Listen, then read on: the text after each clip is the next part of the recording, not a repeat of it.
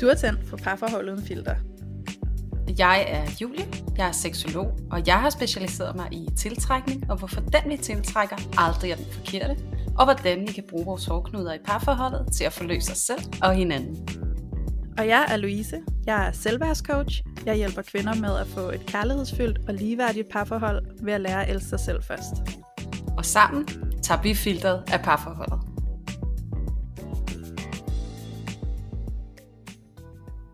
Hej Louise. Hej Julia. I dag, der skal vi jo snakke om øh, skænderier, eller konflikter, diskussioner. Jeg tænker, kært barn har mange navne. Og derfor så har den her tematik også haft øh, flere forskellige overskrifter, og vi har da også været omkring nogle forskellige sådan, headlines, hvad skal vi kalde det her? Og alligevel så blev vi nok lidt enige om, at der hvor at den er mest problematisk, det er når at den kommer ud i det, som vi kender som et skænderi. Altså hvor at konflikten den piker, og øh, det er nogle gange højlydt, det kan også være med stor afstand, øh, i hvert fald voldsomme reaktioner. Så hele det øh, emne, det skal vi tale ind i i dag, og ligesom prøve at se, om vi kan blive lidt klogere på, og få lidt mere forståelse for, hvad det er, der foregår, og hvordan vi kan håndtere det, og hvad vi kan lære om os selv og vores partner, og hvordan vi sådan kan håndgribe vores parforhold lidt bedre, når vi kommer ud i de her skænderier. Og øh, i den forbindelse, så tænker jeg på, om du vil starte, Louise, med at fortælle lidt om, hvordan du kan relatere dig til det her emne. Ja, det kan du tro, jeg vil, Julie. Øhm, først og fremmest, så tror jeg, det er noget, som vi alle sammen godt kan relatere til. Jeg tror ikke, der er nogen, der er gået igennem livet uden en konflikt, et skænderi, en diskussion, whatever, på et eller andet tidspunkt. Men øh, her i vores podcast, der handler det jo om parforholdet. Så lige nu, der handler det om skænderier i parforholdet, og det tror jeg bestemt også rigtig mange kan relatere til. Øhm, og øh, personligt, så er det noget, der har fyldt rigtig meget for mig selv. Øhm, for ikke at ende med at gøre det her til en lang livshistorie, så, så udlader jeg lige tidligere parforhold, sådan relativt i hvert fald, fordi der, der har i hvert fald været drama nok at tage af. Men jeg vil fokusere på mit nuværende parforhold. Øhm, det er sådan, at øh, min kæreste og jeg, vi har været sammen i knap fire år, og øh, dengang vi mødte hinanden, der, øh, der skulle vi ind i noget stormvær. Altså vi skulle lige derind, hvor vi skulle have slippet kanter, og det betød altså, at vi havde øh, altså sådan ret mange diskussioner, synes jeg. Øh, der var noget sårbarhed i spil, og det er tit der, som jeg mærker, at, øh, at skænderier opstår. Der, der er en eller anden sårbarhed i spil. Øh, så, så vi skændtes en gang imellem, og øh, den en gang imellem var bare mere, end hvad vi ønskede os. Så vi kunne måske have, øh, ja, måske to skænderier om ugen, hvor at det virkelig var med, med altså, ja, ild i stuen, ikke? hvis man skal mm. sige det sådan. um, og, og det var altså hårdt. Altså det, det siger jeg bare. Og jeg tror bare, at der er så mange af jer, der sidder derude og lytter med, som godt kan genkende de her med, hvis man har en periode, eller hvis det generelt er sådan for en, at man skændes ofte, det er virkelig drænende. Altså det tager virkelig hårdt på en, og det gjorde det også på os. Øhm, så meget så, at vi på et tidspunkt var lige ved at gå fra hinanden, og måtte, øh, og måtte sætte os ned og lige lave sådan en, okay, hvad skal der ske herfra, fordi vi holder ikke til, hvis vi skal skændes sådan her. Øhm, så, så vi satte os faktisk ned og lavede sådan en, en, en rigtig god øh, snak sammen, session skulle jeg sige det, vi lavede sådan nogle rigtig fine lister med, hvordan vi gerne ville arbejde med hinanden og med os selv og så videre, for at komme et godt sted hen. Det var virkelig noget af det mest skyldende, vi har gjort for os selv. Øhm, mm. men, men, men det er jo ikke kun mellem os at det her skænderi, det tærer. Det tærer også på mig som individ, øh, fordi der er så meget følelse i spil under sådan et skænderi. Igen, for at vende tilbage til, det er jo fordi, vi er sårbare lige der. Øh, fordi er vi ikke sårbare, har vi ikke noget i spil, så har vi heller ikke noget at hisse os op over. Så det tager jo også på mig som person, og det tager på mig i forhold til, når jeg skal ud og gå på arbejde, og have min hverdag til at fungere. Hvis jeg, hvis jeg har brugt for meget energi på at skændes, så har jeg bare ikke overskud til alt andet i mit liv. Mm. Øhm, og, øh, og på det her tidspunkt i mit liv, der var, der var mit selvværd altså bare ikke særlig stort. Og det spillede en kodylrolle i, hvorfor at jeg kom så meget i konflikt med min kæreste. Øhm, det var nærmest roden til det, og øh, når vi havde været i sådan en skænderi, altså jeg kunne virkelig, virkelig føle mig så meget i tvivl på mig selv bagefter.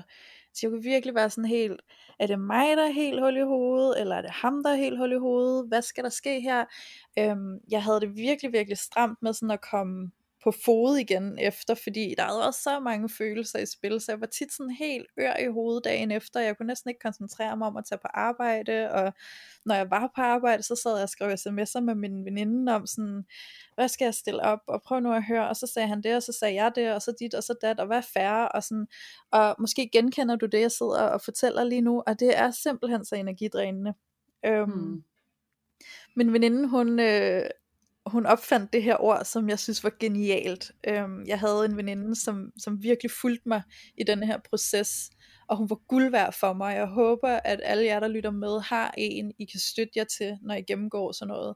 Men, øhm, men hun opfandt det her ord, som hun kaldte eftervejer. Øh, det er jo et ord, der findes i forvejen, men øh, her der blev det opfundet i forbindelse med et skænderi. Mm. Så når jeg skrev til hende dagen efter, og skrev, nu nævner jeg ikke noget navn, men hey søde, jeg har lige brug for dig, så skrev hun bare, er det eftervejr? Yes. Så vidste hun godt, der havde nice. været et skænderi, der var eftervejr på skænderiet, og eftervejr betyder bare, at skænderiet har været så følelsesladet for dig, at du har stadig nogle følelser, der hænger efter dagen efter, og du har svært ved at komme ovenpå igen. Du har brug for lige at sunde dig, og du skal lige have det snakket igennem. Det er eftervejr. Og de her eftervejr, de går bare så meget i vejen for, at du kan trives i din hverdag og have overskud til alt det andet, du også skal. Mm. For ikke at tale om, hvor meget splid og ødelæggelse det jo faktisk skaber i parforholdet. Øhm, så, så, så, så altså, jeg vil sige, det fylder så meget, når man skændes, og hvis man gør det på regulær basis, så vil jeg invitere til, at man får arbejdet med det. Det gjorde min kæreste mm. og jeg, og det har været gylden for os, fordi der er så meget mere ro og balance mellem os nu, end der var i starten. Der er så meget, vi har fået på plads, og det er gylden, fordi nu kan vi faktisk nyde en hverdag med meget mere overskud. Men, øhm, men vejen derhen handler om at kigge ind i dig selv. For mig handlede det om at arbejde med mit eget selvværd. Mm. Fordi da jeg ligesom fik selvværdet, øh, hvad kan man sige, gjort mere robust, altså få et stærkere selvværd, så var der bare ikke samme øh, optakt til at komme i diskussion. Øh, det, det tror jeg måske også, du kan genkende, hvis du sidder og lytter med derude, og, og, og kan, kan mærke ind i dig selv. De der skænderier, de sker, når du bliver ramt på, på en sårbarhed, når dit selvværd mm. ikke helt kan stå op for dig. Ikke? Ja. Så øh, ja, jeg ved ikke, Julie, hvordan, hvordan lyder det for dig? Det lyder ja, super relevant, interessant, spændende, genkendeligt. Øh, Ja. Det er sådan lidt hele paletten, og jeg sidder bare og tænker øh, vildt meget på et tidligere afsnit, vi har lavet, øh, om drama. Og vi snakker om dramatrikanten, fordi at du beskriver også det her med, at hvor, hvor væsentligt det har været for dig og din kæreste, at, at du kan være i stand til, og han kan være i stand til at prøve at se indad, og prøve at finde ud af, hvad er det, der foregår, og hvor kommer det fra, og kommer det fra noget selvværd, og, og det synes jeg, det er øh, sindssygt vigtigt, at du bringer det på banen, fordi at jeg kunne ikke være meget mere enig end i, at selvfølgelig er det den vej, vi skal gå, men, men så sidder jeg også og tænker sådan, okay, jamen, hvordan, hvordan kommer jeg derhen til, hvor at det måske går op for mig, at jeg er ramt på noget øh, i mit selvværd. Og, og så kom jeg til at tænke på, at, at måske at øh, den der dramatrækant, at vi også kunne bruge den her, og det, det vil jeg gerne høre også sådan din feedback på, hvad du tænker. Fordi at, at jeg har det i hvert fald sådan, at når jeg havner i et skænderi, eller står lige pludselig og har været med til at piske en stemning op, så, øh, så noget af det, der hjælper mig rigtig meget, som skal jeg også lige skynde mig at sige, har krævet utrolig meget øh, træning, og utrolig stor mængde af bevidsthed, det er, at jeg starter med at finde ud af, er jeg i dramatrikanten lige nu? Og hvor er jeg? Er jeg redder, krænker eller offer? Øh, hvad identificerer jeg mig mest med i den samtale og i det her scenarie, der udspiller sig lige nu? Fordi når først jeg får øje på det, øh, så kan jeg langt bedre tage afstand til det, hvis du forstår. Forstår du, hvad jeg mener, når jeg siger det, Louise? Jamen, jeg sidder også og tænker, kan vi overhovedet være i et skænderi, uden at være i dramatrækant? Jamen, Ja, og det, og det tror jeg jo nemlig, det kan vi faktisk ikke, øh, fordi at du altid er i en af de, de altså okay, jeg, jeg vil gerne skrive under på, det kan vi ikke. Og det, den tager jeg 100% for egen regning, så hvis du erklærer dig ganske uenig og har belæg herfor, så tager jeg gerne imod det.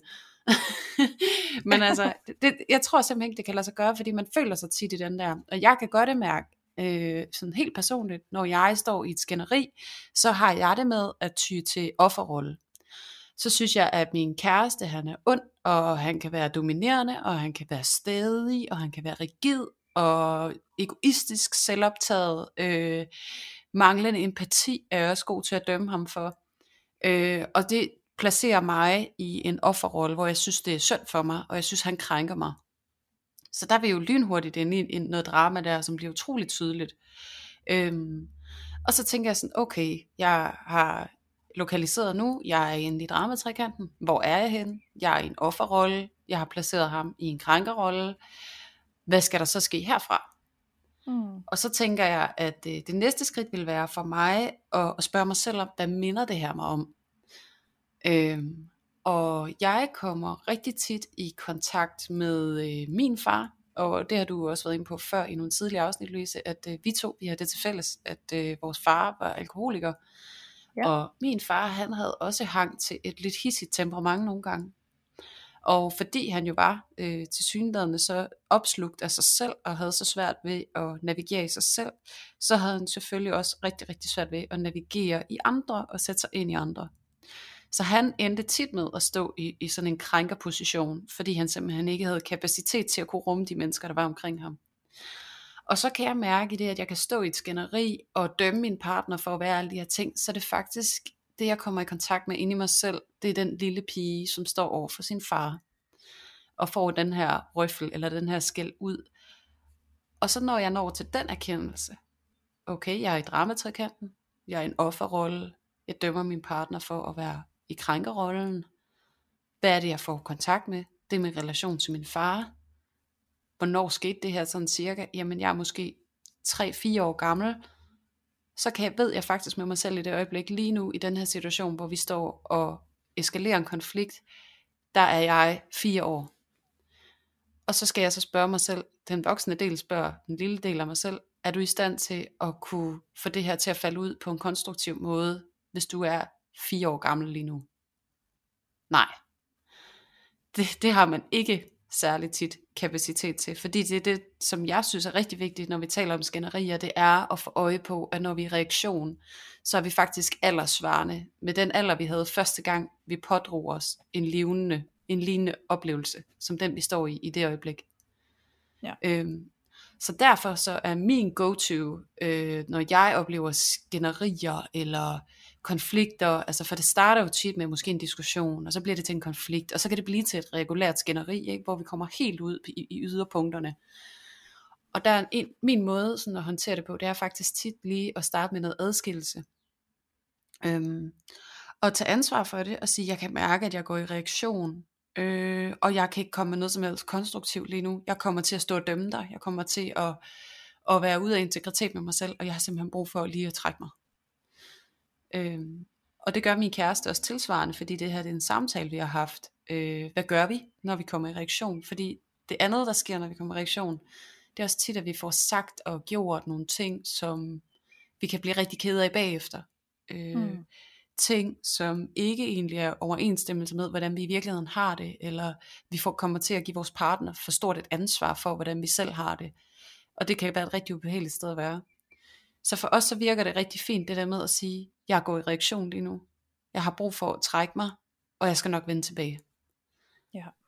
Og det kan for mig og for os være en gylden måde at håndtere en optrappende konflikt på, fordi at vi får dem alle sammen, fordi vi har alle sammen været små børn, vi har alle sammen oplevet ubehagelige ting, uanset hvor happy-go-lucky din barndom har været, og hvor fantastiske forældre du har, og hvor godt du har det, så har vi alle sammen nogle negative og ubehagelige erfaringer med konfrontationer, som helt klart popper op i vores parforhold.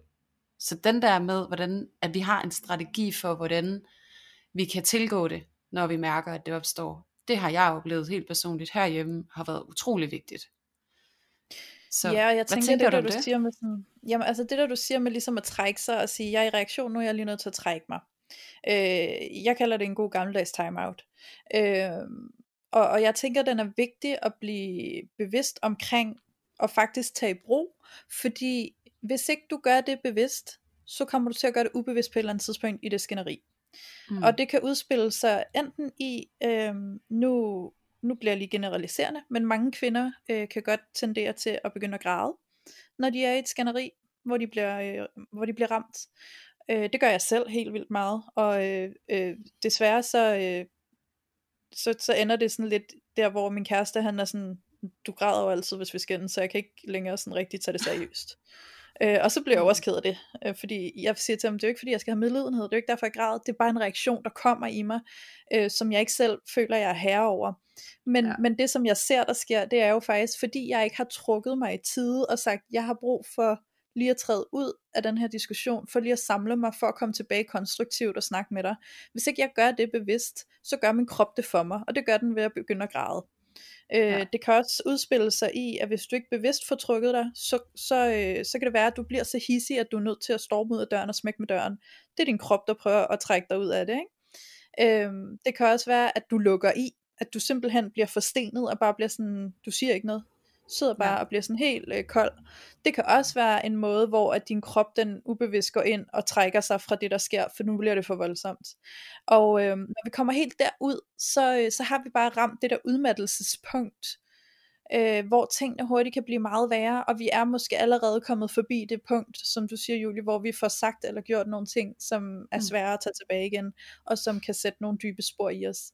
Så ja. det der med at lave en timeout, når vi godt kan mærke, nu begynder jeg at blive tilpas hissig, eller tilpas ked af det, eller tilpas følelsesladet til, at jeg ikke kan være konstruktiv længere. Jeg siger lige time out, og øh, så kan vi lige få 10 minutter, 20 minutter, en halv time, hvad du kan mærke, der er brug for, og så mødes vi herinde igen, og så snakker vi lige om det. Fordi jeg tror også, at, at ofte, når vi rammer et skænderi, og kommer helt derud, vi taber os selv. Altså vi taber os selv fuldstændig. Øhm, og jeg tror tit, at det opstår, fordi vi bliver ramt på et eller andet inde i os selv. Som du selv mm. siger, Julia, du bliver meget bevidst om, nå okay, du bliver jo nærmest fire år og står over for din far. Øh, og det er det, der lidt driver dig i det her skænderi. Ikke? Og, og, og altså, nu ved jeg ikke med jer lytter derude, hvor meget I er bekendt med det, der hedder skyggearbejde. Men skyggearbejde, det handler rigtig meget om, når der er nogle ting i os selv, vi ikke er afklaret med, og nogle ting, vi ikke sådan føler, vi har adgang til at øh, acceptere i os selv. Øh, og det kan ligge meget, meget ubevidst i os det her. Så hvis nu er din kæreste, og det gør han eller hun, helt sikkert på et eller andet tidspunkt i jeres forhold, tænder dig af. Altså der sker et eller andet. Han eller hun får sagt eller får gjort et eller andet, som tænder dig fuldstændig af, og du bare bliver sådan, det der, det kan jeg simpelthen ikke med. Øhm, så er det ofte og sandsynligvis, fordi der bliver ramt et eller andet inde i dig, en skygge inde i dig, du ikke har det godt med, øh, som får dig til at flyve i vejret, ikke? så du ikke mm. længere er konstruktiv, fordi det er bare dine følelser, der løber afsted med dig nu. Øhm, og det kan jo ligeledes være nogle dæmoner, du har fra din fortid. Det kan være det her, øh, altså barnlige, der kommer op i dig, den her, det her minde, du har fra din barndom over for dine forældre, eller noget andet, der er sket i din barndom, hvis det er det, der bliver trigget, så, så jeg plejer at sige, at nogle gange står vi jo faktisk i et skænderi med vores kæreste, men det vi reagerer på er jo ikke situationen, vi reagerer faktisk på en, en situation, den minder os om, fra da vi var små. Og det er mm. derfor, at det rammer så hårdt ind i os. Så det er jo sådan nogle ting, vi skal til at blive bevidste om. Det er sådan nogle ting, vi skal ind og finde i os selv, og bemærke, at det faktisk er det, det handler om. Fordi mm. når først vi kommer derind, så vil vi altså kunne begynde at arbejde med os selv hen til et sted, hvor vi slet ikke tillader os selv at gå så meget i reaktion, men faktisk bliver bevidste nok til at sige, okay, det du lige sagde der, det kan jeg bare mærke, at det gør det her ved mig, jeg har lige brug for et øjeblik, og så kommer jeg ud til dig igen, og så kan vi snakke om det, i det nu, som det handler om, og ikke i, i det, som jeg kan mærke, det handler om i min fortid. Ja. Ja. Det er, det er sindssygt spændende, det du siger, fordi at det, det er faktisk også ret meget i tråd med, det, med den måde, jeg arbejder med det på, fordi at, at jeg har før nævnt, tror jeg også, i, i vores podcast, der har jeg fortalt dig om den her bog, der hedder Derfor forelsker du aldrig i den forkerte, og den ja. bog vil jeg anbefale alle fordi at det er så sindssygt øh, vigtig og essentiel og let forståelig viden, som vi kan bruge til så afsindig meget. Så hvis du ikke har råd til at gå til en terapeut eller et eller andet, så få de der 30 dage gratis på Mofibo, hvor du kan gå ind og lytte til den her bog som lydbog. Fordi så er du hjulpet sindssygt godt på vej allerede. Øhm, og det vil jeg bare lige riske kort op, fordi det er rigtig meget tråd med det, du siger, Louise. Hvor at, at vi, øh, og det er faktisk helt over i tiltrækningsspørgsmål, at vi tiltrækker den her partner, der kan trykke på de her knapper i os. Øhm, det er fordi, at vi har de her ting med os, som du siger, Louise, ligesom skygger. Altså det er noget af fortiden, som bor i os. Og de her skygger, de vil gerne ud. Øh, det er egenskaber og kvaliteter, som gerne vil ud af skyggen. Det vil ikke være skygger, fordi at vi vil altid søge som mennesker at blive hele, og blive helet og fuldt integreret med alt, hvad vi er, med alle vores kvaliteter. Og fordi der er den her underbevidste længsel øh, efter sådan at blive hel, så, øh, så betyder det også, at vi helt ubevidst søger en partner, som kan øh, reflektere de sider af os, som vi ikke selv kan få øje på. Så du kommer til at se en partner, som du vil dømme for alt muligt, og det vil typisk være kvaliteter, som du også dømmer dig selv for, eller kvaliteter, som du ikke kan rumme i dig selv, så derfor kan du ikke rumme dem over i ham eller hende. Øhm, og det er bare så viseligt indrettet, at det tit er sådan, at øh, når du tiltrækker en partner, så har han faktisk øh, sådan internaliseret krænker, øh, kalder hun det vist i den her bog, som er hele potentialet til at kunne frembringe alle de her øh, sider, som du afskyer i dig selv, sådan at du kan få øje på dem, og du vil formentlig reagere på dem. Men samtidig så har din partner også et forløsende aspekt i sig, hvor at de faktisk er, har potentialet til at kunne hele det her sammen med dig, ved at I kan rumme det sammen med hinanden, og ved at I kan komme konstruktivt igennem de her konfrontationer, eller clashes, eller hvad vi skal kalde det. Så derfor så er der sådan utrolig meget øh, healing, uden at blive sådan her spirituelle-agtig, øh, så, så bruger jeg ordet healing, øh, i de her konfrontationer, i de her møder med hinanden. Øh, fordi at der er også nogen, og det ved jeg ikke om, det tror jeg også I arbejder med, der hvor du er uddannet, Louise, men det her er lidt indre barn-terapi. Og det er jo den her med, at man selv manifesterer sig som en kærlig voksen, og forsøger at gå ind og hele sit indre barn, som når jeg taler om mig som fire år, der står foran min far, så er det, at jeg på en eller anden måde genkalder den situation, og så går jeg ind som kærlig voksen, jeg er nu, og tager den her fireårige pige i hånden og siger, hey, det er ikke længere, og nu gør vi noget andet, nu kommer vi videre herfra, og jeg tager dig med, ikke? Og det er det møde, vi har med vores partner. Det er de her skænderier og de her konfrontationer. Det er faktisk invitationer i min optik til at få forløst noget af det her. Det er en invitation og en genial mulighed for at gå ind og arbejde med de her ting. Øh, og hvis ikke vi gør det, så øh, vil vi ofte opleve, at det vi gør i stedet for, det er, at vi begynder at bruge vores pegefinger. Og den peger vi enten ud af over på vores partner, øh, eller indad. Hvor at enten så er det vores partner, der er forkert, og vi dutter, du er forkert, og du er sådan, og du er fordømmende, ligesom jeg sagde før, at du er uempatisk, du er egoistisk. Øh, eller vi peger den ind af og siger, at det er fordi, jeg ikke er god nok, og jeg kan ikke finde ud af at rumme, og jeg slår ikke til, og det er også fordi, jeg er så dum, eller det er fordi, jeg er så glemsom, eller jeg er bare ikke klog nok, eller jeg er ikke smuk nok, eller sådan, så vi kan mærke, når den der pegefinger, den begynder at spille med os, så, så er vi faktisk i næregen af noget, som har, som potentielt kan gøre os til mere hele og forløste mennesker. Og det er noget af det, som jeg synes er spændende at tale om, når vi taler om skænderier. Det er potentialet i skænderierne hvad vi kan få øje på, hvad der bliver tilgængeligt for os. Ja, præcis. Jeg sidder næsten lige og får, øh, altså kommer i tanke om denne her, man siger med sådan, når du peger fingre af en anden, så peger der fire ind mod dig selv, ikke? Yes. Øhm, og den synes jeg egentlig er ret god, fordi jeg kommer også i kontakt med det her med, når du kan mærke, at provokationen i dig, den begynder at boble, mm. så prøv lige at kigge efter, hvad er det, du er provokeret af? Fordi det, er jo, det handler rigtig meget om de her fortællinger, vi gør om os selv og om vores partner, når det er, der opstår en eller anden form for provokation. Øhm, for at trække det ind i et konkret eksempel, så, øh, så har jeg en historie fra, øh, fra, fra x antal år tilbage. Jeg var øh, på det tidspunkt ledig, det vil sige, at jeg var ikke på arbejdsmarkedet. Og det betød, at i hele den periode, der var det faktisk ret svært for mig lige at få en hverdag til at hænge sammen. Det der med at være på øh, dagpenge og komme ind på jobcentret og skulle søge jobs, man ikke havde lyst til at have, men man skulle søge dem, og der var pres på, og alle de her ting. Og det gjorde altså bare, at jeg blev stresset og sådan lidt nedtrykt. Om morgenen, der var det svært at komme ud af sengen. Min kæreste, han gik stadig på arbejde, så når han stod op om morgenen tidligt, så tog han ned og trænede klokken 6, han kom tilbage, han gik i bad, han fik tøj på, han skulle ud af døren, og der lå jeg stadig i sengen. Og øh, når han så skulle ud af døren, så kiggede han lige på mig, og så sagde han sådan, kan du have en god dag, skat, hvad skal du lave i dag? Og så blev jeg provokeret. Jeg blev så mhm. provokeret, for jeg var sådan, du skal, altså, du skal fandme ikke stå der og antage, at jeg er doven, og at jeg ikke har tænkt mig at få noget ud af dagen. Du skal ikke antage, at jeg ikke kan finde ud af at få gjort det, jeg skal gøre i dag. Men hvis I, hvis, prøv lige at spole tilbage. Han spurgte bare, hvad skulle du lave i dag? Mm. Jamen, kan I høre det? Altså, så mm-hmm. jeg mhm. fik jo hele denne her provokation op at køre i mig selv, og det gjorde faktisk, at vi nogle gange kom lidt på kant, fordi så blev jeg jo sådan lidt, ej, helt ærligt, gider du ikke godt lade være med det der, eller sådan noget. Og han var bare sådan, jamen, du må bare have en god dag, skat. Jeg var bare nysgerrig på, hvad du skulle lave.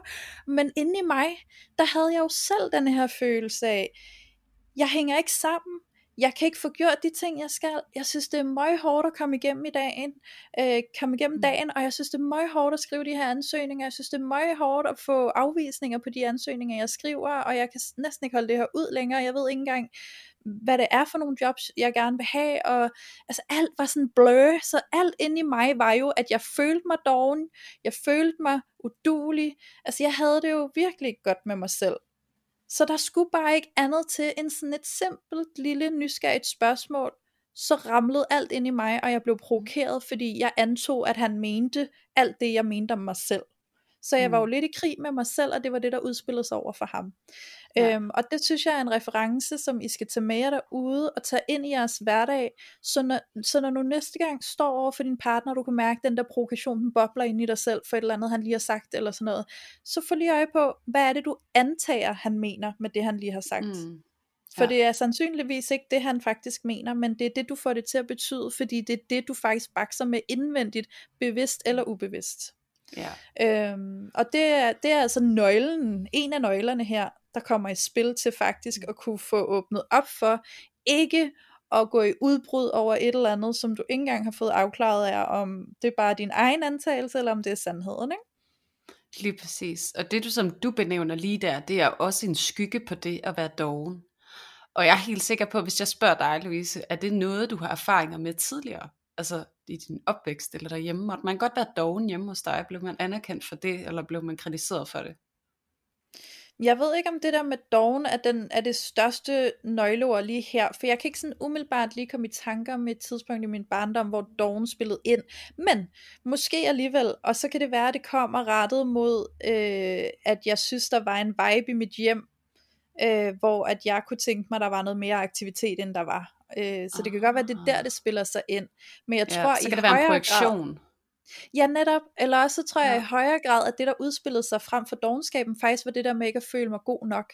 Her ja. lå jeg og var arbejdsløs, og havde svært ved at finde et eller andet, jeg godt ville, og følte mig fuldstændig sådan, altså øh, ens selvbillede, ens identitet kommer altså bare enormt meget på spil, når man er i sådan en periode i sit liv. Så jeg ja. tror måske meget mere, det var det der med ikke at føle mig god nok, og det kan jeg genkende fra min barndom. Ja. Ja, og han lige pludselig stod en, altså han kom til at repræsentere den der øh, usikkerhed i dig med, at du er ikke god nok, hvis du ikke laver noget. Ja, fordi i det øjeblik han sagde, øh, kan du have en god dag, hvad skal du lave i dag, skat? Det eneste jeg hørte, det var jo bare, kan du have en god dag, skal du nu til at ligge der og ikke lave en skid, og ikke øh, få gjort noget, og ikke være god nok til noget. Altså sådan, det var jo det, jeg hørte, og det var det, der ramte mig, og det var derfor, at jeg tændte af. Øhm, så det er jo også bare altså indbegrebet af misforståelser, der tit faktisk er årsagen til, at vi kommer ud i nogle diskussioner med hinanden. Lige præcis, og det, og det skøre ved den situation, det er jo, at nogen ville bare have svaret ham. ja, ja. For det er også noget af det, jeg synes, der er sjovt, ikke? det er, at det, som du reagerer på, praller fuldstændig af på nogle andre. Ja. Øhm, og det er også noget, der er gået op for mig, også i mit parforhold herhjemme nogle gange, også fordi, at, at jeg har haft øh, for inden den partner, jeg har nu, vi har været sammen i knap to år, for inden havde jeg en partner i syv år. Og det betyder altså også, at man kender hinanden ret indgående, og man bliver efterhånden ikke så overrasket længere, og man vender sig lidt til en eller anden omgang med hinanden. Men nu hvor jeg har fået en, en ny partner, så kan jeg simpelthen lade mig overraske over nogle gange, hvad han reagerer på. Fordi ja. det vil jeg aldrig reagere på. ja. Og det er jo den der med, at, og så bliver det så tydeligt, ikke, at hold da op, har vi også forskellige øh, trigger points og forudsætninger for at være i verden, og forskellige historier med os, som kommer til mm. at være med til at definere, hvordan vi reagerer på vores omgivelser. Så den der med, at netop, og, og det er jo endnu mere et, et indikator på, at vi må tage et eget ansvar for det, vi oplever, og tage et eget ansvar for vores reaktioner. Øh, ja. Og netop prøve sådan at distancere os lidt fra det. Fordi at det er jo, altså, det handler om os selv, når vi vælger at reagere på noget. Og jeg siger vælger, og det kan godt virke provokerende for nogen, men det er jo faktisk et aktivt valg, fordi for hver gang du reagerer på det samme, så er det fordi, du har taget et valg for indenom ikke at gøre noget ved det. Så du vælger ja. faktisk at blive ved med at reagere på det samme, i stedet for at tage ansvar og tage handling og ændre det for dig selv. Fordi jeg kan godt forstå, hvis man har noget, der er svært øh, og, og, og traumatisk, som man går og bokser med, så er det med med svært, og det kræver rigtig hård øh, og, og gedin omgang arbejde nogle gange, og løsrive sig fra det. Men, men du vælger ikke at optage arbejdet, fordi at der er et eller andet, der står i vejen, eller tit på grund af nogle begrænsende overbevisninger om, det kan jeg jo ikke, eller at jeg er jo dømt til at være sådan her, eller min, altså for mit eget vedkommende, jeg har brugt meget af mit liv på at tænke på, jeg har jo en far, der er alkoholiker, og min mor blev syg, da jeg var 10 år, og det er synd for mig, og, og jeg er blevet for tidlig voksen, og det er nok bare mit lod i livet. I stedet for egentlig ja. at, at prøve at kigge på det, tage ansvar for det, og stoppe med at reagere på det, fordi at, at jeg på en eller anden måde erkender med mig selv og slutter fred med, at det er noget, der har været, og jeg behøver ikke at lade mit liv definere af det fremadrettet. Men jeg kan stille og roligt slippe det. Ja, præcis Julie. Det er så essentielt, det du siger lige der. Altså, jeg har mødt så mange kvinder igennem mit virke, som har den her følelse af, jeg tror ikke på, at det kan blive anderledes. Ja, og den lige der modløshed. Og jamen, lige præcis, og jeg genkender den jo selv fra mig selv. Altså, når man sidder fast i den, ikke, det er den første, man skal ud over. Og man skal mm. opdage, at man kan faktisk vælge noget andet. Øhm, ja, det er så vigtigt. Og så tror jeg, at, øhm, at sådan, jeg kunne tænke mig, det, at vi også lige får det her med, med at snakke lidt om, hvordan vi kan håndtere diskussionen, når den er i gang. Nu snakkede du lidt om, hvordan du sådan internt i dig selv håndterer det, og hvordan du gør dig selv bevidst, mens du står i diskussionen. Men mm. øh, noget, som du også ved, jeg elsker, Julie, det er jo kommunikation. Yeah. Øhm, så jeg kunne sygt godt tænke mig, hvis vi lige kunne få det med, inden vi runder af her, at, mm. øh, at når først vi kommer ud i diskussionen, så er det altså også, øh, der er nogle spilleregler der, vi godt kan tage brug af, for at gøre diskussionen mindre skadelig. Mm. Øhm, noget, som jeg selv har skulle gøre rigtig meget af, det er et, slip min stolthed. Ja. Simpelthen slip denne her frygt for at tabe ansigt. Så hvis jeg godt lige pludselig kan se, okay, jeg har ikke lyst til det her, men jeg kan faktisk godt se, at der måske er noget af det, han siger, han er ret i. Så er jeg nødt til ikke at være bange for at tabe ansigt. Så jeg er nødt til at slippe den her stolthed, jeg er nødt til at slippe min stedighed, og så er jeg nødt til at sige, okay, det kan jeg faktisk godt se, det du siger der. Der har jeg selvfølgelig også noget øh, andel og ansvar i det. Så øh, tak fordi du har gjort mig opmærksom på det, det vil jeg gerne arbejde på. Hmm. To, lad for guds skyld være med at love noget. Fordi tit så gør vi det, at vi sådan kommer ud i en diskussion, og så kan det være, at vi står på den side, hvor vi siger, jeg lover, at jeg ikke gør det igen. Men lad nu være med at love, at du ikke gør det igen, fordi det gør du mm. højst sandsynligvis. Sig i stedet for, jeg kan godt forstå det, og jeg vil faktisk rigtig gerne arbejde med det, fordi jeg har heller ikke selv lyst til, at det skal være sådan. Øhm, det kan være, at jeg får brug for din støtte til at forandre det, men du kan i hvert fald vide dig sikker på, at jeg vil være opmærksom på at prøve at forandre det, så det mm. ikke sker igen. Det er meget ja. mere troværdigt, end at du siger, jeg lover, og så alligevel bryder du det ugen efter eller måneden efter. Øhm, når vi står og snakker, og du kan mærke, at du er i forsvar, eller du er i angreb, så kom lige tilbage i dig selv. Det her gyldne, som vi har snakket om så mange gange, bliv på din egen banehalvdel. Fordi det er så nemt, når vi kommer i diskussioner, og vi bliver overophedet, at vi træder lige direkte over på den andens banehalvdel og koncentrerer os om, hvad de har gjort forkert. Mm. Kom lige tilbage i dig selv. Ja, lige præcis pegefinger. Det er jo den der, det handler om. Ikke? Så kom lige tilbage i dig mm. selv. Bliv på din egen banehalvdel. Koncentrer dig om dig selv. Du må gerne fortælle, hvad det gør ved dig, det der sker. Men lad være med at gøre din partner forkert. Lad være med at fortælle dem, hvor deres fejl ligger. Kig også efter, hvor ligger dine egne fejl. Hvad kan du selv gøre anderledes, end du har gjort? Mm. Øhm, og en sidste ting, jeg vil sige her, det er også bare essensen af at være åben over for at være lyttende og nysgerrig for, hvad det faktisk er, din partner sidder og dealer med i det her. Fordi de har også noget på spil, ligesom du har. Og når vi kommer i diskussion, kan vi godt være meget fokuseret på, du skal høre mig, du skal se mig, fordi det er mig, det handler om, det er mig, der har det svært lige nu. Men din mm. partner har det også svært, så prøv lige om du kan finde det i dig selv, det her med at stoppe op og så sige, okay, nu vil jeg faktisk også lige lytte til dig. Så hvad er det, hvad er det, det her gør ved dig? Hvad har du brug mm. for? Mm. Det kan godt virke sådan helt uoverskueligt, men det er altså virkelig effektivt, når først vi mestrer og give plads til hinanden og hinandens behov i det, der foregår. Mm. Det er så fint. Rigtig fint og rigtig vigtigt, og rigtig fin måde at beskrive det på, synes jeg. Øhm, ja.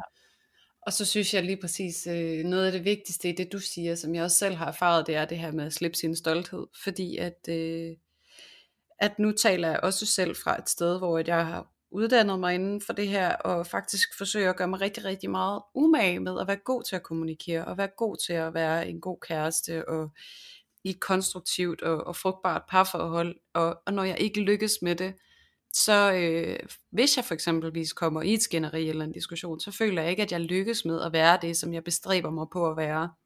Og det er et utroligt sårbart sted for mig personligt at komme hen, hvor at, at jeg kan blive ramt rigtig meget i min stolthed, i min menneskelige stolthed, og ikke mindst i min faglige stolthed.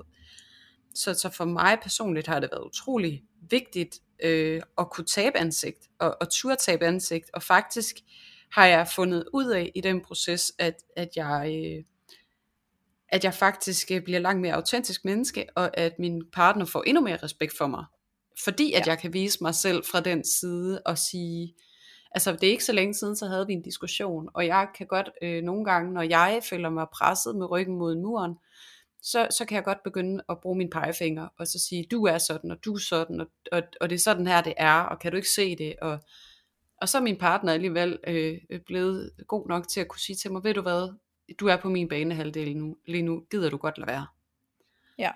Og så i den situation, der er jeg kommet dertil, hvor jeg kan skrive til ham, jeg er mega meget på din banehalvdel lige nu. Og jeg kan ikke lade være lige nu, så måske skulle vi holde en pause, fordi jeg går derover lige nu, fordi at jeg, ikke, jeg har ikke ressourcer til andet lige nu, der hvor jeg er. Men og det er bare også det at kunne gøre kunne det, det. Ja. ja, lige præcis, bare kunne gøre ja. det, og turde tabe ansigt og sige, ja, det er jeg. Jeg er fandme ikke stolt af det, og jeg kan mm. ikke, øh, jeg kan ikke kapere meget mere end det lige nu. Det er det, det, jeg kan bidrage med i samtalen. Og så ja. siger han tit, så synes jeg, vi skal vente lidt. Fordi det bliver ikke rart for nogen af os. Øhm, fordi det er jo ikke, og, og det, det jeg prøver at fortælle med det der, det der med, det handler sgu ikke om at gøre det perfekt, men det handler om at gøre det autentisk, og, og stå ja. ved, hvem man er, stå ved sig selv, og stå ved, hvad man kan og ikke kan i den givende situation, i stedet for at stå og tage mere og mere panser på, og være mere og mere stolt, og øhm, blive grimme over for hinanden, og distancere sig fra hinanden, så, så, så ej dig selv, stå ved dig selv, og også det, som er svært, eller det, du ikke er stolt af. Øh, fordi at, at tit og ofte, når vi gør det, så, så betyder det faktisk, øh, lidt ligesom i mit eget tilfælde, og jeg har også set det i flere andre tilfælde, at vores partner ender med at få mere respekt for os, og mere medfølelse, fordi vi selv tager ansvar for det, der sker i os, og vores måde at være på i det. Ja, jeg genkender det fuldstændig, fordi det er også som om, at hvis man tør tabe ansigt, ikke? lad os nu sige, mm. fordi vi er jo i gang med at stå og bekrige hinanden, ikke? når vi er sådan en skænderi, ikke? Jamen, du er, jamen, du er også, og sådan noget, ikke? Øhm, mm. og, og der har jeg den her, hvis vi tør at åne os selv og sige, ja, det har du faktisk ret i, det var ikke så godt, jeg gjorde det der, eller mm. det var ikke så godt det jeg sagde der, eller jeg tager ansvar for at det der det er på, det, det er på min side. Det, det var min fejl det der. Du skal prøve det, fordi jeg har altså oplevet at stå midt i det, og i det øjeblik jeg tør gøre det, så som om min partner bliver sådan lidt, hov, hov, jamen, nå, men jeg kan ikke bekrige dig, hvis ikke du bekriger mig. Altså sådan, ja. så stopper den lige pludselig, fordi så bliver de ja, også blødt op til sådan, nå ja, nej, men det var måske også lidt mig så, ikke? Eller sådan, og så lige mm. pludselig, så begynder man at møde hinanden lige der, ikke? Ja. Øhm, Ja, og det er jo det, der altså, sker, når du tager ansvar, så begynder din ja, ja. partner så gør det helt automatisk. Så i stedet for at stå og bede din partner om at tage ansvar, så gør det selv og så ja, vil det også ske og så, omkring og så lad dem følge efter, hvis de, har, hvis de har adgang til det lige der, ikke? Ellers så kan det være, at de får det lige efter præcis. tid. Lige præcis, øhm, det kan være, at I skal igennem ja. de næste 10 skænderier, og så hvis du formår på en eller anden måde at praktisere den her, tage en ansvar for dig selv i de 10 skænderier, så kan det være skænderi nummer 11, så kan din partner faktisk også gøre det, fordi at I udvikler jer sammen med hinanden, og inspirerer hinanden, og når at der opstår skænderi, så har man altså 50-50% ansvar i det drama, der udspiller sig. Så hvis Ja. du begynder at tage ansvar for din 50%, så, så stille og roligt, så, så vil jeg næsten garantere dig for, at så begynder din partner også at gøre det. Fordi at, at din partner også vil opleve din tagen ansvar som en, en villighed til at arbejde og se ind af. Og vi ved alle sammen, hvordan det er også, hvis vi er i gang i et projekt eller sådan noget. Vi skal i gang med at lave mad. Så hvis din partner går ud og tager løgn og begynder at skære dem, så irriterer du dig måske ikke så meget længere over, at det er dig, der laver maden, fordi at du kan se samarbejdsvilje. Jeg vil gerne hjælpe til. Jeg er her. Jeg tager også fat. Jeg gør også noget. Så, Ja. så, så start med dig selv. Ligesom med alt andet, hvad vi siger, Louise. Men altså, ja. Fuldstændig. Jamen, det, er jo, det er jo bare det, der er kernen, så jeg synes, det er så fint, vi bliver ved med at vende tilbage til vores kerne. Start med dig selv. Øhm, og, og lige til det her vil jeg også lige sige en note. Pas på, at du ikke kommer til at tænke denne her, "Men jeg gider da ikke gøre det, hvis han ikke gør det. Jeg gider da ikke at være mm. den, Mm. der skal stå og tage ansvar, hvis han ikke også gør det. For det kan vi godt komme til, inden øh, at vi bliver vant til det her. Så, så lige til at starte med, når vi skal begynde på det her, så kan det altså godt føles sådan, at vi tænker, ej, jeg gider altså ikke at være den hele tiden, hvis ikke også han gør det, eller hun gør det. Så, så ja. Pas lige på, at du ikke bruger den vending op i dit hoved, og der må du altså bare igen smide din stedighed på gulvet, og så sige, eller faktisk bruge din stedighed til at sige, jeg bliver ved og ved og ved, indtil jeg kan mærke, at, at du også begynder at tage ansvar for din side af det her. Øhm, præcis. det er ret stort at, at kunne gøre det, ikke? Øhm, Mm. og så tænker jeg, Julia, hvis jeg lige må, øh, jeg har lige fået noget i tankerne, som jeg godt lige vil have med. Vil det være okay? Ja, you go girl. Okay. Så øhm, det er nemlig fordi, det her har spillet en stor rolle for mig og min kæreste. Øhm, hvad sker der efter skænderiet? Fordi når vi så har haft et skænderi, og det begynder at stille og roligt øh, drosle ned, måske er vi kommet til et punkt, hvor at vi er kommet en relativ enighed i møde, men selvfølgelig er vi lidt mærket af, at vi lige har stået og råbt og skrevet, eller vi lige har siddet og diskuteret og været irriteret. Hvad sker der bagefter? Fordi jeg får ofte et behov for nærhed, et behov for lige at komme tilbage til hinanden, lige få et kram, et kys, mærke, at vi er okay. Øh, det er, der ligger noget inde i mig, hvor jeg skal lige mærke, at relationen stadig er intakt efter den her omgang. Min kæreste derimod, han har brug for luft. Så han har brug for afstand lige bagefter. Han skal lige sunde sig, inden han er klar til at komme tæt på igen. Og det kunne nogle gange for os, nu har vi heldigvis kommet til et sted, hvor jeg føler mig sikker på og, og fuldstændig tryg i, at vi er okay, selvom vi har haft en diskussion. Så, så nu, nu har jeg ikke det samme nærhedsbehov lige bagefter, øh, som jeg har haft, men det spillede en rigtig stor øh, rolle for os, fordi det kunne virkelig give sådan en form for efterskæld nærmest, hvor at nu er diskussionen, konflikten lige kommet ned på lav blus, vi er faktisk over den, men så, så er det som om den begynder igen, fordi hvorfor vil du ikke kramme mig nu? Hvad er der nu galt? Kan du så ikke lide mig mere? Eller er der nu noget andet galt, eller hvad? Og han er sådan lidt, nej, jeg skal bare lige have luft. Jamen, hvad betyder det? Og så starter vi igen, ikke? Mm. Øhm, så, så der er også lige noget med at finde ud af, hvis I har lidt forskellige behov efter en diskussion, så find lige ud af, hvordan I kan komme hinanden i møde med det. Måske lave en forståelse over for hinanden om, det er bare fordi, han eller hun lige har brug for 10 minutters luft, så de er okay igen. Eller også så er de først okay næste morgen, og det er også fair nok. Og måske mm. har du Mm. brug for noget nærhed, så hvordan kan han eller, hun, han eller hun lige, måske lige gå på kompromis og give dig et hurtigt kram og sige, alt er okay, jeg skal bare lige have luft. Jeg er klar mm. Igen i morgen, ikke? Du skal ikke være bange, vi er okay. Ja, lige præcis. Og det er Ja. ja. det, lidt den der samme, det der med, at, at jeg skal nok vende tilbage til dig. Og ja, Ja. det er tit sådan med os alle sammen, at når vi får den forsikring om, at vi ikke bliver efterladt, så, så kan der faktisk finde sig rigtig meget ro inde i, inde i de fleste af os. Ja, Fordi at, at min kæreste har også sådan der, han kan også sige, jeg har, ikke, jeg har ikke brug for at blive rørt ved lige nu. ja, Og jeg ved godt, at det ikke har noget med mig at gøre. Ja. Fordi at jeg kender ham så godt nu, og jeg ved, at det der med nærhed, det er, øh, det er sårbart, og, øh, og så dur det ikke rigtigt. Man har været igennem et, et kæmpe stormvejr, og så skal man til at gøre noget af det mest sårbare, ens partner ved. Mm. Og så det der med at kunne vide det om hinanden, og kunne rumme det, Ja. det, det, det er rigtig vigtigt, du siger det, Louise, for det er også lidt ind i de der eftervejer, som du startede med at fortælle om, at man ja. ligesom også har dem internt, og hvordan skal vi håndtere det med hinanden, det efterspil, der kan være. Ja, jeg synes faktisk, min kæreste, han sagde det så godt, fordi det fyldte meget for os, og han fik sådan forsikret mig på en ret fin måde, hvor han ligesom sagde sådan, skat, det jeg gerne vil have, at du ved, det er, at vi er okay nede på bunden, men derfor kan vi jo godt have sådan nogle små, øh, at der sker noget op i overfladen, men det er altså ikke ens betydende med, at vi stykker ned på bunden. Så, så, mm. så jeg kan forsikre dig om, at bare fordi vi har en diskussion eller et skænderi, så er det ikke fordi, at vores fundament det, det er i stykker. Så hele tiden Nej. vid, at selvom at jeg måske lige har brug for lidt luft, så er vores fundament stadig stabilt. Og det var jo det, det jeg præcis. havde brug for at lære og forstå. Og da jeg begyndte at forstå det, og jeg kunne mærke, jeg føler mig tryg i at have en diskussion med dig nu, fordi jeg er ikke bange for, at den splitter os ad.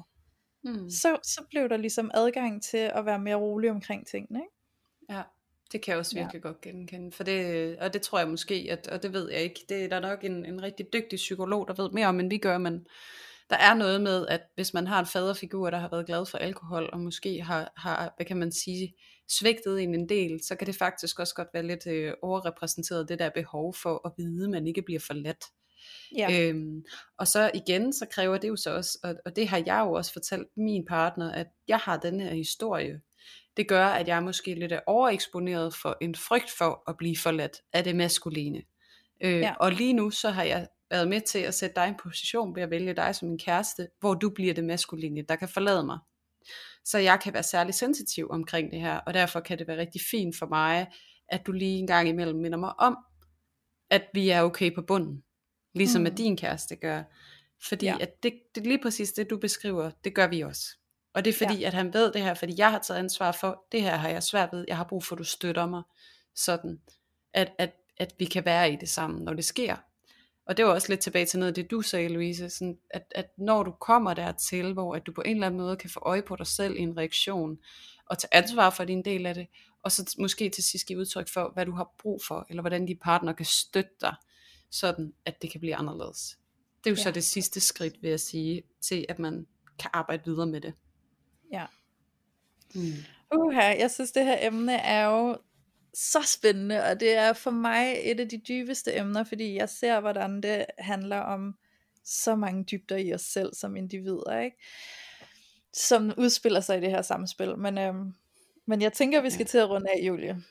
Det er vi simpelthen nødt til. Fordi at, ja. øh, vi kan ikke blive ved med at holde på jer, selvom vi gerne vil. Jeg synes jo, det er fantastisk spændende. Ja. Men øh, hvis jeg lige må starte øh, med vores afrunding, så vil jeg bare lige endnu en gang ligesom jeg gør i sidste afsnit, opfordrer jeg til, hvis I kan lide, hvad I hører, og I er glade for at lytte med, øh, så vil jeg rigtig, rigtig gerne opfordre jer til at gå ind og give os nogle stjerner inde på Apple Podcast, og øh, ligeledes gå ind og give os en thumbs up på øh, Podimo, og øh, ja, bare give os nogle anmeldelser og rate os lidt, fordi at øh, det gør os simpelthen så glade, og det gør, at der er endnu flere, der kan komme til at lytte med, og vi kan putte endnu mere energi ind i den her podcast. Og det vil vi bare sindssygt gerne. Så øh, det håber jeg rigtig meget, I vil hjælpe os med. Så ja, og det I må også det, meget gerne. Ja, det er super fint, og det er super ærgerligt, at man ikke kan det samme på Spotify. Men I må mm. også meget gerne øh, dele vores øh, opslag på Facebook eller Instagram. Del det med jeres netværk, fordi det kan jo være, der sidder nogen ude i jeres netværk, der også vil synes, det er mega fedt at lytte med, og som mm. kan få noget ud af det. Så gør endelig det. Øhm. Ja, og hvis I har en veninde, som I tit diskuterer efter ved jer sammen med, så tag hende måske lige i den her episode, så hun kan få lov til at lytte med, hvis I synes, der er et eller andet. Så hver gang I lader inspirere, eller I lader jeres tanker øh, drive hen på en eller anden, som I måske ved kan relatere til det, så endelig send dem øh, episoden, om det er en privat besked, eller en tagging, eller whatever. Det vil bare være så fedt. Uh, spread the word. Tænker, øh, ja, for jeg tænker egentlig også, at som altså som enkelt person kunne det jo faktisk være rigtig rart, om man har en veninde eller en anden tæt person i sit netværk, som man kunne spare sammen med omkring det, man reflekterer over i vores podcast. Mm.